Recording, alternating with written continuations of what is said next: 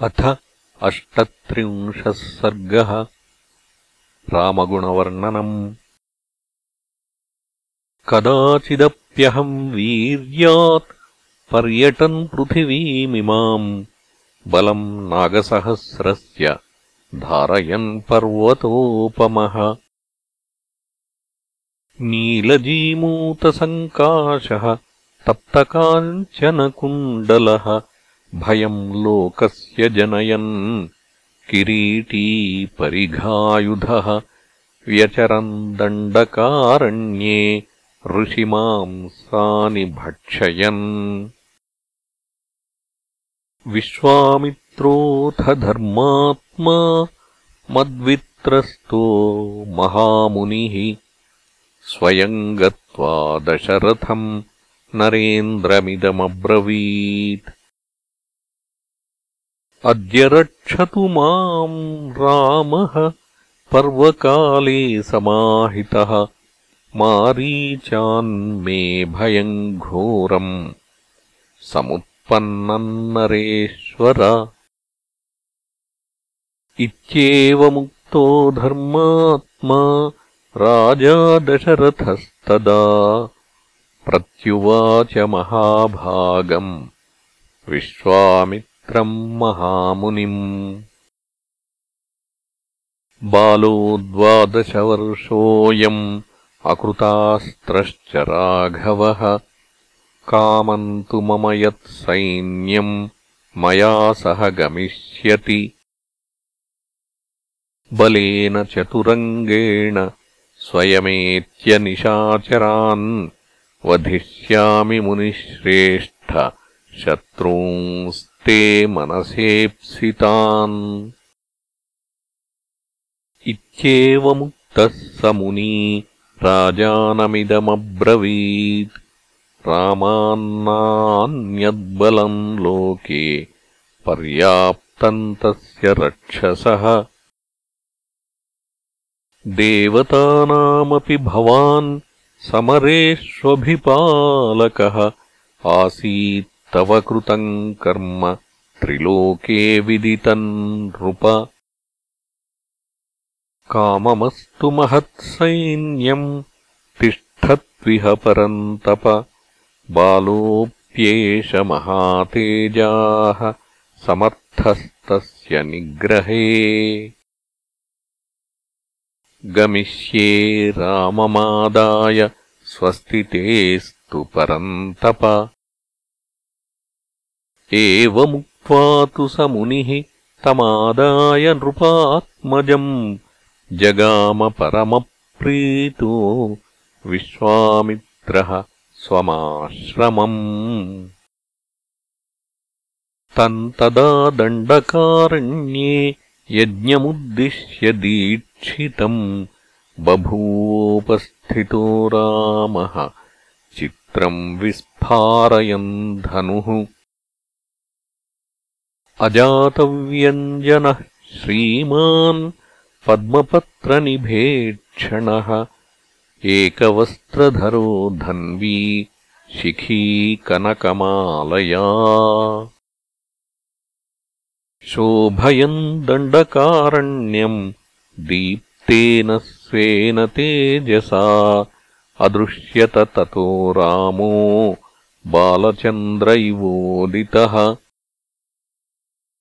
ततोऽहम् मेघसङ्काशः तप्तकाञ्चनकुण्डलः बली दत्तवरो दर्पात् आजगाम तदाश्रमम्।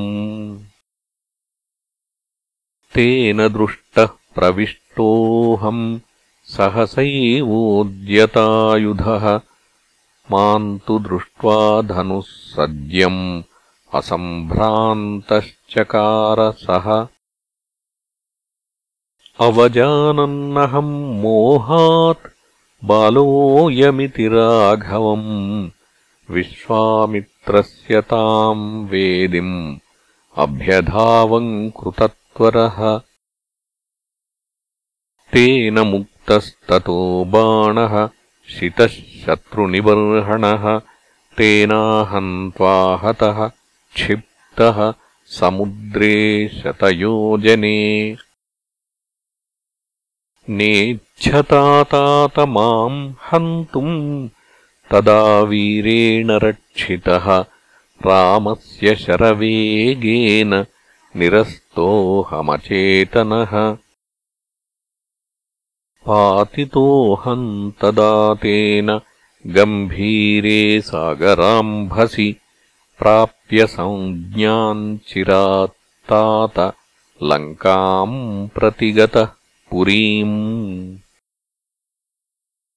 एवमस्मि तदा मुक्तः सहायास्तु निपातिताः अकृतास्त्रेण बालेन रामेणाक्लिष्टकर्मणा।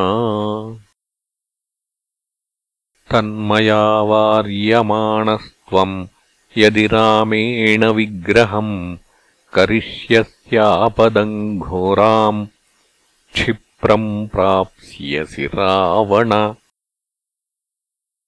क्रीडारतिविधिज्ञानाम् समाजोत्सवशालिनाम् रक्षसाम् चैव सन्तापम् अनर्थम् चाहरिष्यसि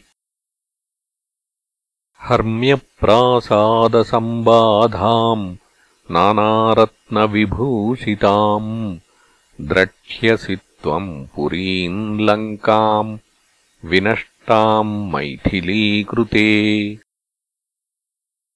अकुर्वन्तोऽपि पापानि शुचयः पापसंश्रयात् परपापैर्विनश्यन्ति मत्स्या नागह्रदे यथा।